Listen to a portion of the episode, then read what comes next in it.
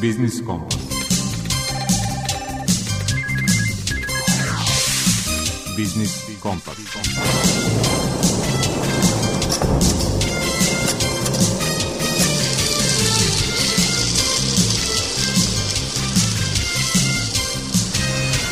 Pred mikrofonom je Đuro Vukelić. Dobar dan, poštovani slušalci. Izmiče polako januar, privredne aktivnosti se zahuktavaju sa njima i naš biznis kompas. A evo ukratko i sadržaja današnje emisije.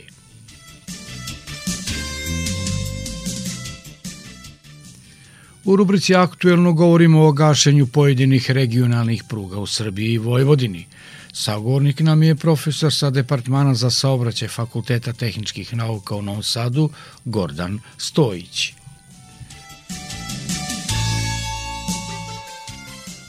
Iz profesorskog ugla o temi koja nas i tekako zanima postavljena je i rubrika iz mog ugla. Gost autor, profesor sa Rudarsko-geološkog fakulteta u Beogradu Čedomir Beljić iz ugla struke govori o projektu eksploatacije litijuma u zapadnoj Srbiji.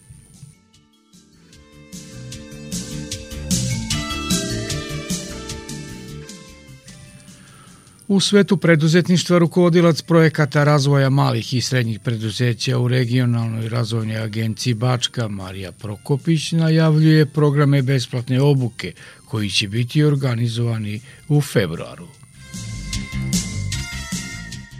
Referentna kamatna stopa je osnova za obračun promenljive kamate kod kredita i štednje, što je čini važnom za obični svet upućen na te bankarske proizvode – To je tema rubrike Predmet financije i izlaganja savjetnika u Narodnoj banci Srbije Nikole Đukića.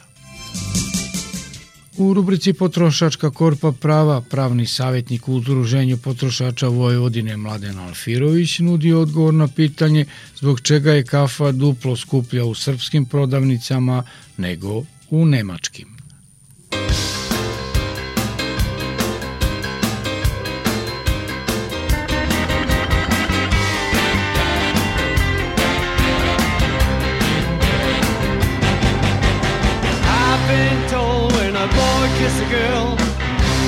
Trip around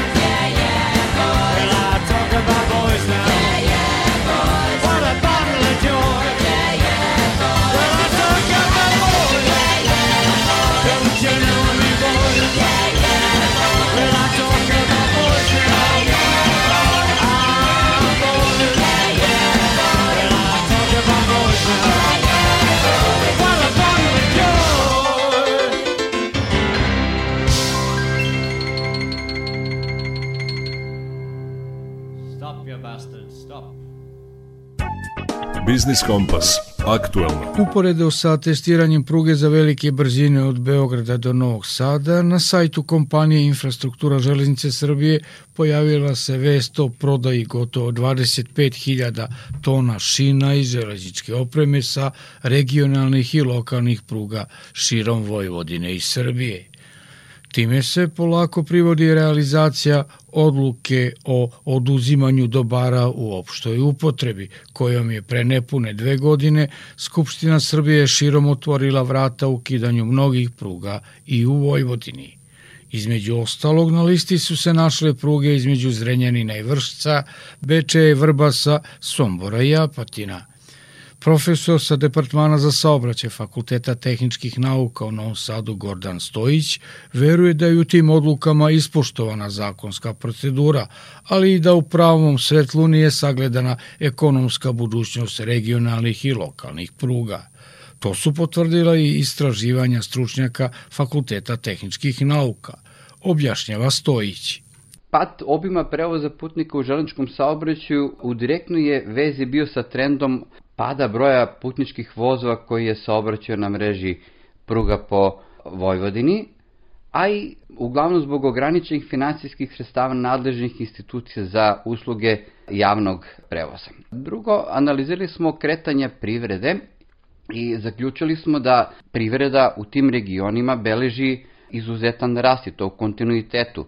Pojedini regioni, pojedine opštine imaju e, izuzetno izvozno orijentisanu privredu, To je primjer sa južno-banatskim, sa severno-zapadno-bačkim okrugom. Slično je i u Sremu. Ono što je takođe u našim zaključcima navedeno jeste da naša privreda, verovatno zbog nepouzdanosti železničkih usluga, slabije koristila železničke usluge u izvozu robe, a više se koristila železničku uslugu u uvozu robe, pa kad su i prevoz možda birale i inostrane kompanije koje su transportovale sirovine i neke druge proizvode do naših privrednih subjekata.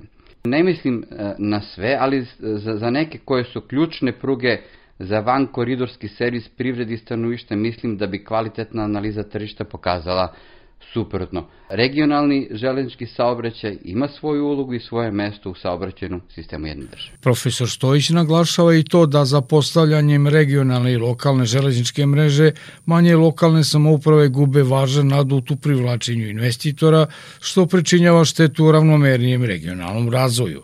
A prednosti razvijene lokalne železničke mreže su brojne, dodaje Stojić. Kad je u pitanju privreda, poseban aspekt razvoja jeste možda jedna zajednička inicijativa privrede i upravljača infrastrukture u osposobljavanju industrijskih koloseka koji su ovaj, značajan nosilac robnog transporta, a i izgradnja logističkih centara sa intermodalnim terminalom. Primera radi, ne postoji logistički centar sa intermodalnim terminalom u Novom Sadu, ne postoji u Subotici, ne postoji u Zrenjaninu, ne postoji u Vršcu, Postoji jedan intermodalni terminal u Sremskoj Mitrovici koji koristi Luka Leget za pretovar kontejnera voz kamiona koji dolazi iz Rijeke i ono što se u Panču pretovara. A kada je u pitanju Beograd, recimo, na, u radijusu od 10 km mi e, imamo izgradnju tri čak logističkih centara sa intermodalnim terminalom. Mi u Novom Sadu nemamo ni jedan možda s tog da, robnog transporta je povoljnija situacija je liberalizovano robno tržište i pored državnog operatera imamo i privatne a, robne prevoznike koji mogu da ponude kvalitetnu uslugu prevoza, ali svakako nedostaje, nedostaje kvalitetna železnička infrastruktura. U razgovoru za naš radio koji ćete u celosti moći da slušate preko sutra u rubrici povodom prepodnevnog programa, profesor Stojić naglašava da bi uključivanje lokalne železnice u saobraćaj iz prigradskih mesta moglo da umanji sve veće saobraćajne gužve i u Novom Sadu, kao i da olakša dnevne migracije iz manjih mesta ka velikim gradovima.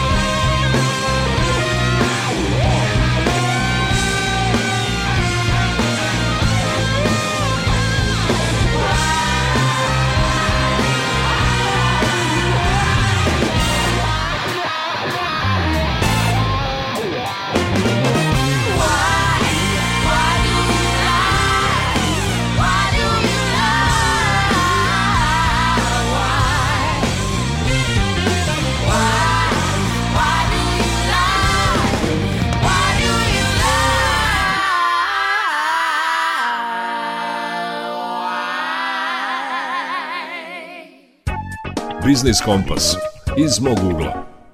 Gost autor današnje rubrike iz mog ugla je profesor sa Rudarsko-geološkog fakulteta u Beogradu Čedomir Beljić.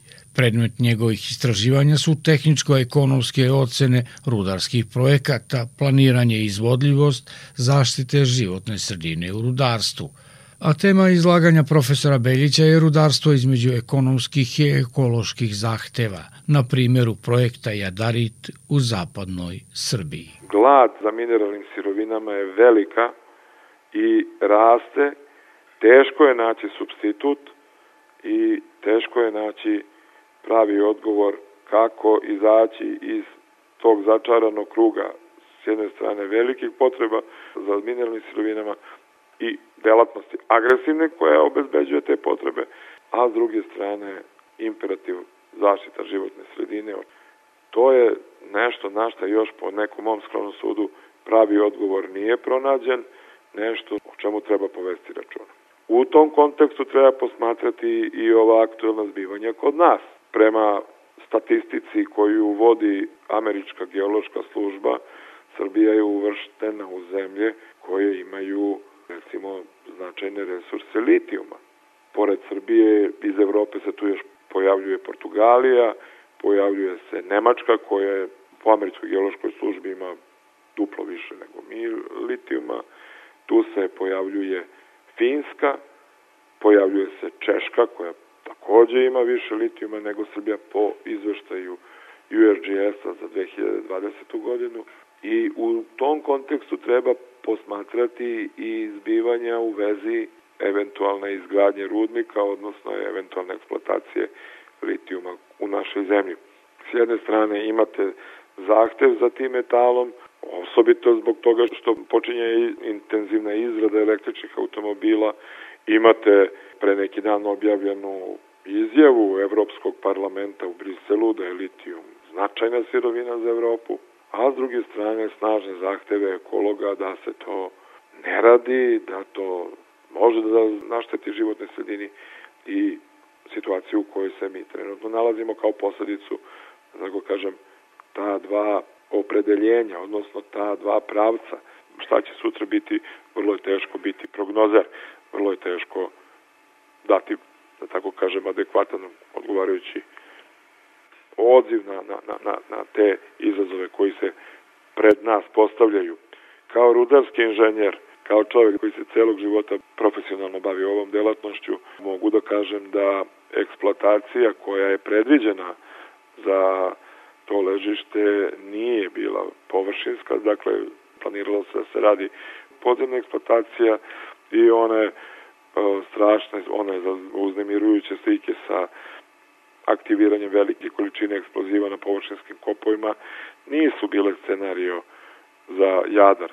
Naprotiv, podzemna eksploatacija je bila u pitanju i čak vrlo, vrlo primenjiva metoda kada je zašta životne sredine na dnevnom redu. Predviđalo se da se te otkopane mase posle valorizacije korisnih komponenti vraćaju otkopane prostore. Tako da je neka procena bila da bi za 60 godina došlo do spuštanja terena svega 12 cm. Znači za 60 godina bi se teren spustio za 12 cm, ne više. Otkopane mase, kažem, koje bi se vadile gore na površinu posle prerađivanja, bi delom bile vraćane u te otkopane prostore i na taj način bi stabilizovale, ne bi dolazilo do nikakvih značajnijih pomeranja tla. Što se rudarstva tiče, znači tu nije po meni bilo neke velike opasnosti. O tehnologiji ne mogu da pričam.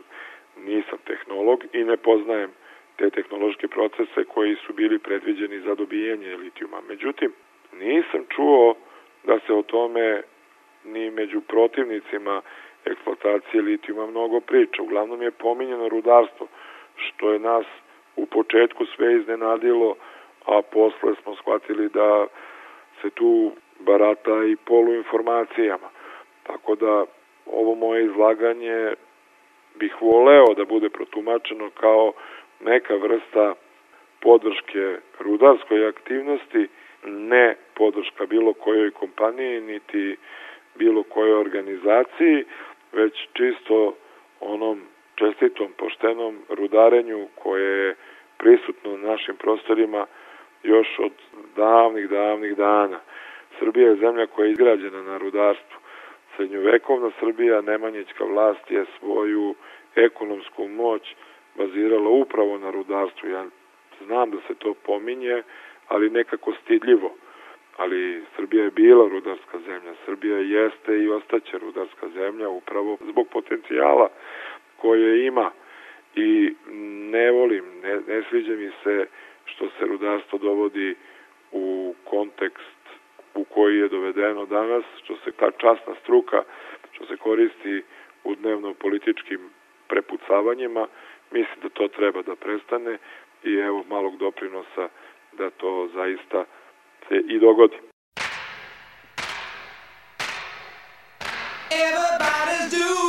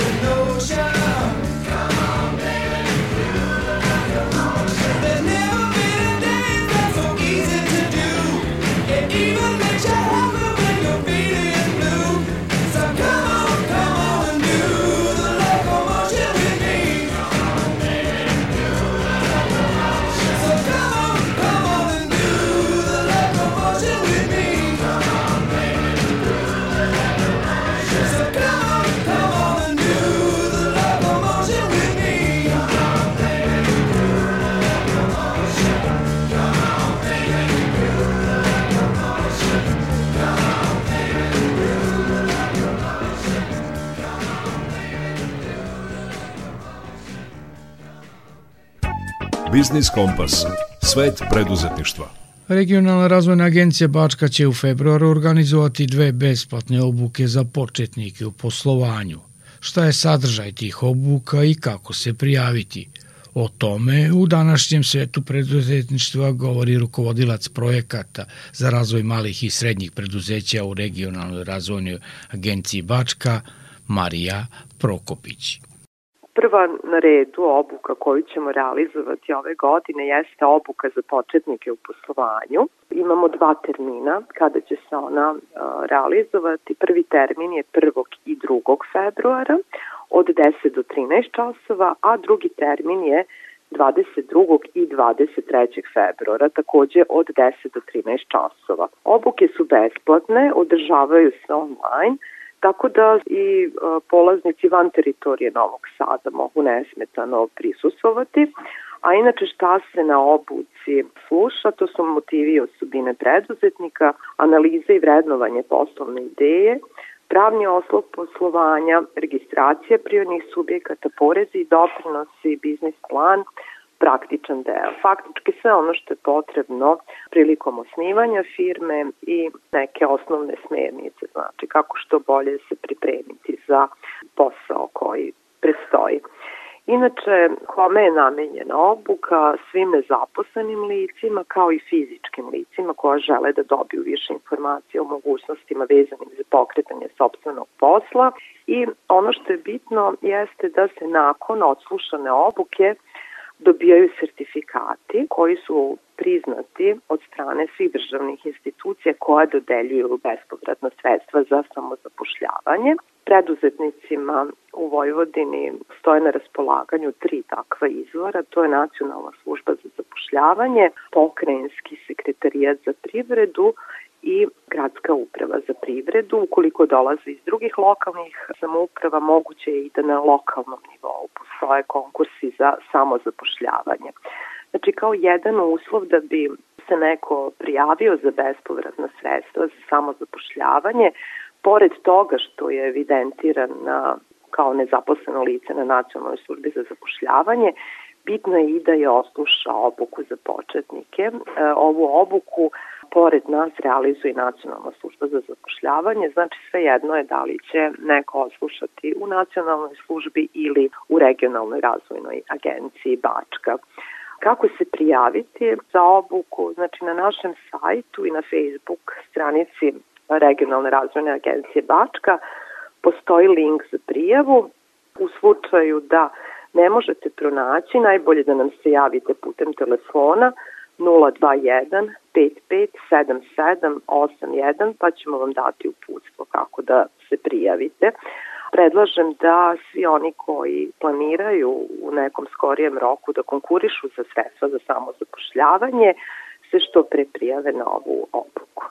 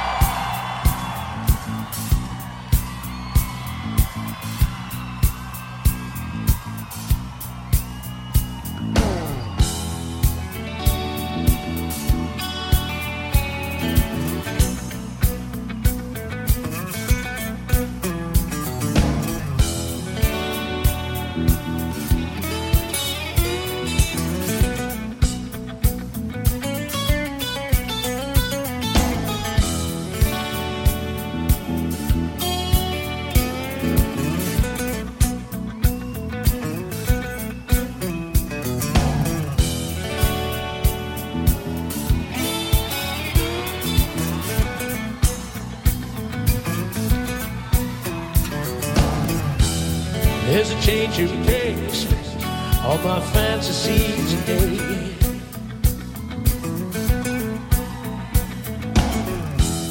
Do you like good music? Do you want to dance?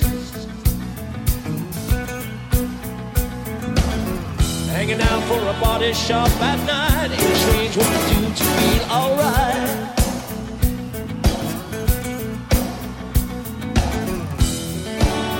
you and experience, oh yeah, face to face, back to back, I said you see and feel my sex attack. I won't sing it yet. Flash, there's more fantasy. That's right, I need it now, baby. Fantasy.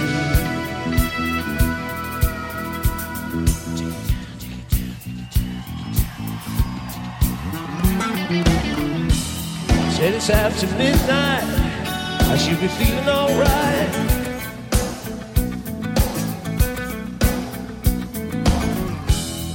It's nearly morning, I think I'll risk this chance tonight.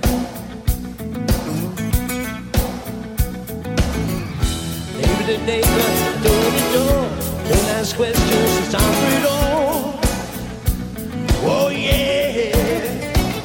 Ow. Face to face, back to back. I said you see and feel my sex attack. I wanna sing it, yeah. Flash. Let's for fantasy. That's right. I need it now. David. Let's walk see.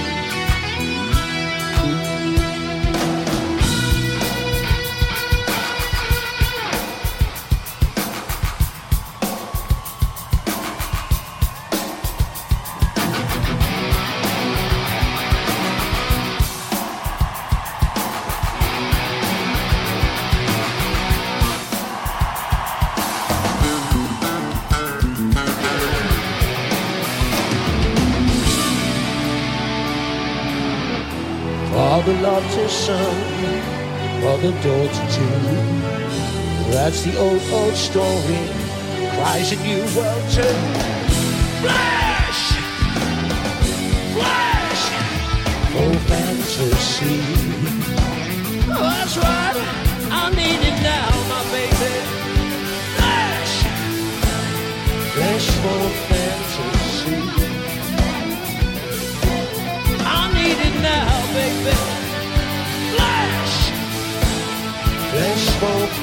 chances.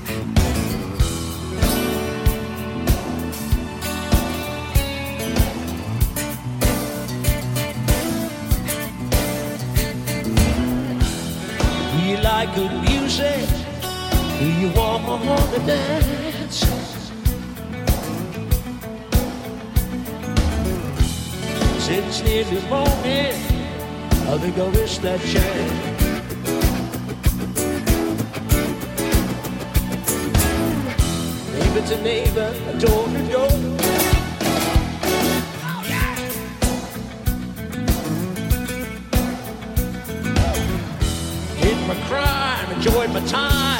I like it's never been nothing before.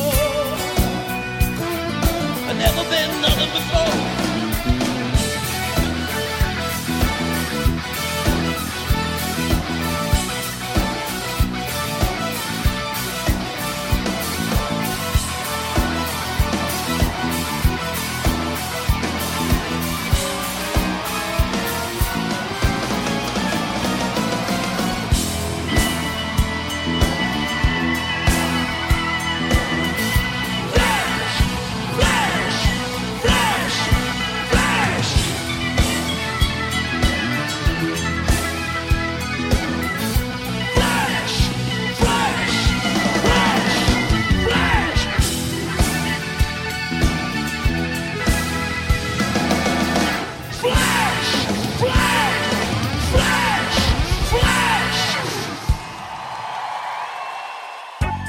Biznis Kompas.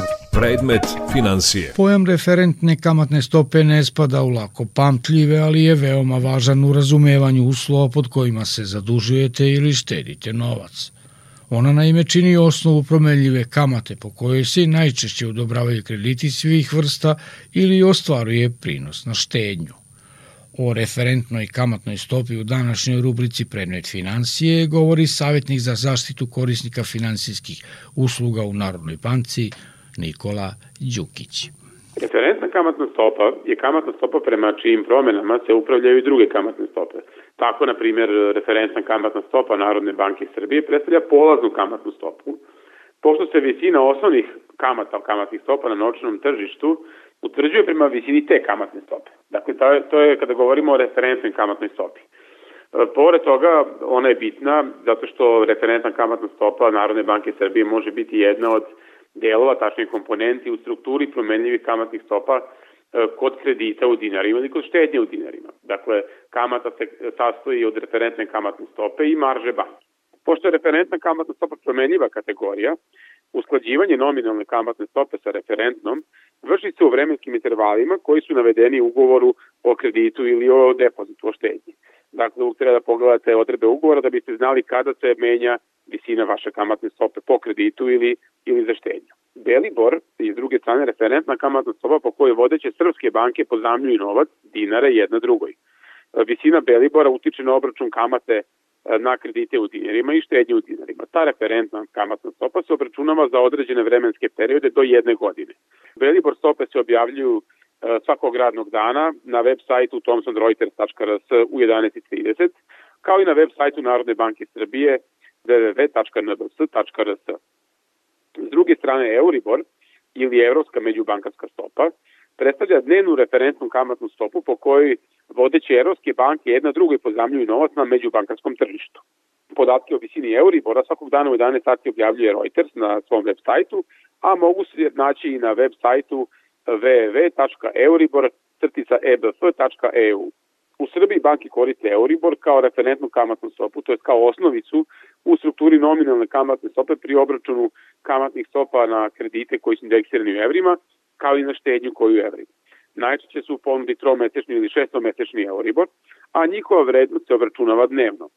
Banka visinu kamatne stope usklađuje sa vrednošću Euribora na dan usklađivanja koji je definisan sajim ugovorom o kreditu, kao i kod dinarskih kredita kojima smo prethodno pričali. Ako nameravate da zaključite ugovor o kreditu koji ima promenljivu kamatnu stopu i vezanje za referentnu kamatnu stopu, što je najčešći slučaj, obratite pažnju na to šta utiče na promenu njene visine. Dakle, ako je u pitanju referentna kamatna stopa, pogledajte kolika je njena visina u tom trenutku, e, kao i trend njenog kretanja u prethodnom periodu. Dakle, iako kretanje referentnih kamatnih stopa ne može da se predvidi, korisno je u svakom slučaju pratiti ga i praviti poređenje njihovih oscilacija. E, takođe, važno je da znate kada banka vrši promenu kamatne stope i za koji period ta promena važi, to morate pogledati u svom ugovoru i naravno pre toga pitati e, službenika kada prilikom zaključivanja samog ugovora, kako biste znali ukoliko je razreč o kreditu, e, kada se menja e, visina vaše obaveze ako se promenila referentna kamatna stopa ili kod štednje, dakle da biste znali kako je došlo do promene kamatne stope po kojoj se obračunavaju sredstva na vašem štednom računu.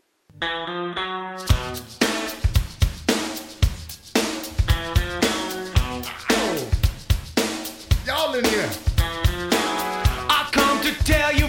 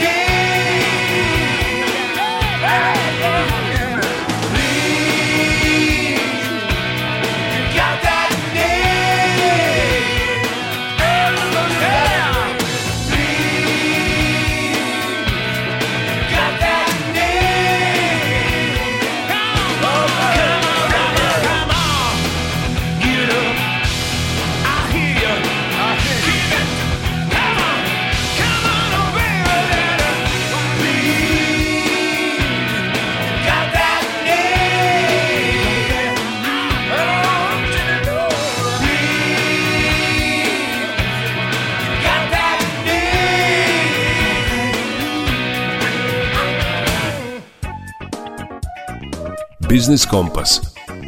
Potrošačka korpa prava. U seriji poskupljenja osnovnih životnih namirnica kafi ne pripada počasno mesto po značaju koliko prema procentu poskupljenja. Zašto je kafa istog brenda duplo skuplja u srpskim prodavnicama nego u nemačkim? O tome u današnjoj rubrici Potrošačka korpa prava govori pravni savjetnik u Udruženju potrošača Vojvodine Mladen Alfirović. Proizvođači na prvom mestu pravdaju povećanje cena jesu poskupljenja sirove kafe na, na svetskim tržištima koje su nastala kao posledica pandemije. Međutim, ono što smo mi uh, uočili analizom cena na osnovu brojnih prigovora potrošača jeste to da su razlike u ceni na domaćem i tržištu zemalja Europske unije enormne.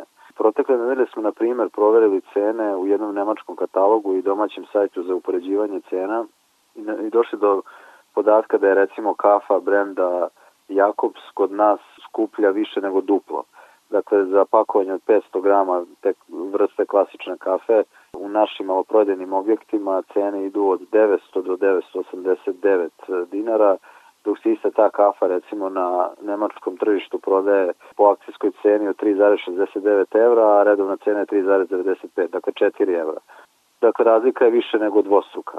Samim tim, iako uzmemo u obzir sve te faktore na koji se pozivaju i poskupljenja sirove kafe na svetskom tržištu, opet nam nije jasno kako je moguće da je tako velika razlika, a da nešto nije u redu na tržištu kafe uočila je Komisija za zaštitu konkurencije koja je u septembru mesecu 2021.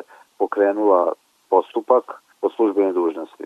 I to tako što je izvršila nenajavljenu kontrolu kod e, vodećih proizvođača na kafe na tržištu Srbije koji drže gotovo 80% tržišta. I tokom maja i juna prošle godine komisija generalno sprovela analizu konkurencije na tržištu trgovine na malo određenim prehrambenim proizvodima i ta analiza je naravno obuhvatila i kretanje maloprodajnih cena pojedinih brendova kafe i njihov međusobni odnos za period od 2015. do 2020. Analiza je naravno pokazala da je tržište kafe sa manjim brojem učesnika, da je ono prilično stabilno i da su dva vodeća proizvođača, da njihov udeo nije pao ispod 80%. I samim tim kad jedno tržište ima 80% podeljen procenat između dva proizvođača, samim tim takva struktura pogoduje lakšem postizanju nekih njihovih međusobnih dogovora kako bi se cene ujednačile i kako između njih ne bi bilo konkurencije. A svi dobro znamo da je konkurencija osnova za generalno zakon ponude i tražnje i da što je više konkurenata, što je veća konkurencija samim tim su cene za potrošače niže i kvalitet je bolji, jer su oni međusobno takmiče, bore za svoje kupce, a jedan od osnovnih načina je tako što će uvek e, pokušati da idu sa nižom cenom kako bi privukli kupce i naravno boljim kvalitetom. Komisija je osnovano pretpostavila da privredna društva Atlantic Grupa i Strauss Adriatic kao dva najveća učesnika na tržištu e, veleprode mlevene kafe i sami tim dva najveća konkurenta su zapravo usaglašavali poslovne strategije u vezi sa cenama mlevene kafe u Republici Srbiji. Na ovaj način ove dve velike firme su saradnjom i dogovorima zamenile međusobnu konkurenciju i naravno da je to imalo za cilj značajno ograničavanje, narušavanje i sprečavanje konkurencije na teritoriji Republike Srbije. Zakonom o zaštiti konkurencije je propisano da bilo kakvi sporazumi, ugovori, odredbe ugovora, izričiti ili prećutni dogovori, usaglašene prakse E, ili bilo koji drugi oblik dogovaranja je zabranjen. Samim tim e, pokrenut je postupak i ono što naša organizacija radi u ovom momentu jeste da je Komisija za zaštitu konkurencije dostavila sva zapažanja koje ona ima, a koje smo dobili od potrošača koji su nam konstantno se žalili na povećanje cene, takođe i taj neki uporedni prikaz gde nam praktično nikad nije bilo jasno kako je moguće da su cene, da su zapravo razlike u ceni toliko velike. Očekujemo da će po okončanju ovog postupka se to konačno u praksi potvrditi i da će dva najveća proizvođača koji bi trebali da budu konkurentni, a očigledno to nisu, da će komisija to utvrditi i da će im u skladu sa zakonom o zaštiti konkurencije izreći kazne i samim tim ih primorati da u budućnosti menjaju svoje poslovne strategije i da se uzdrže od bilo kakvog oblika dogovaranja cena.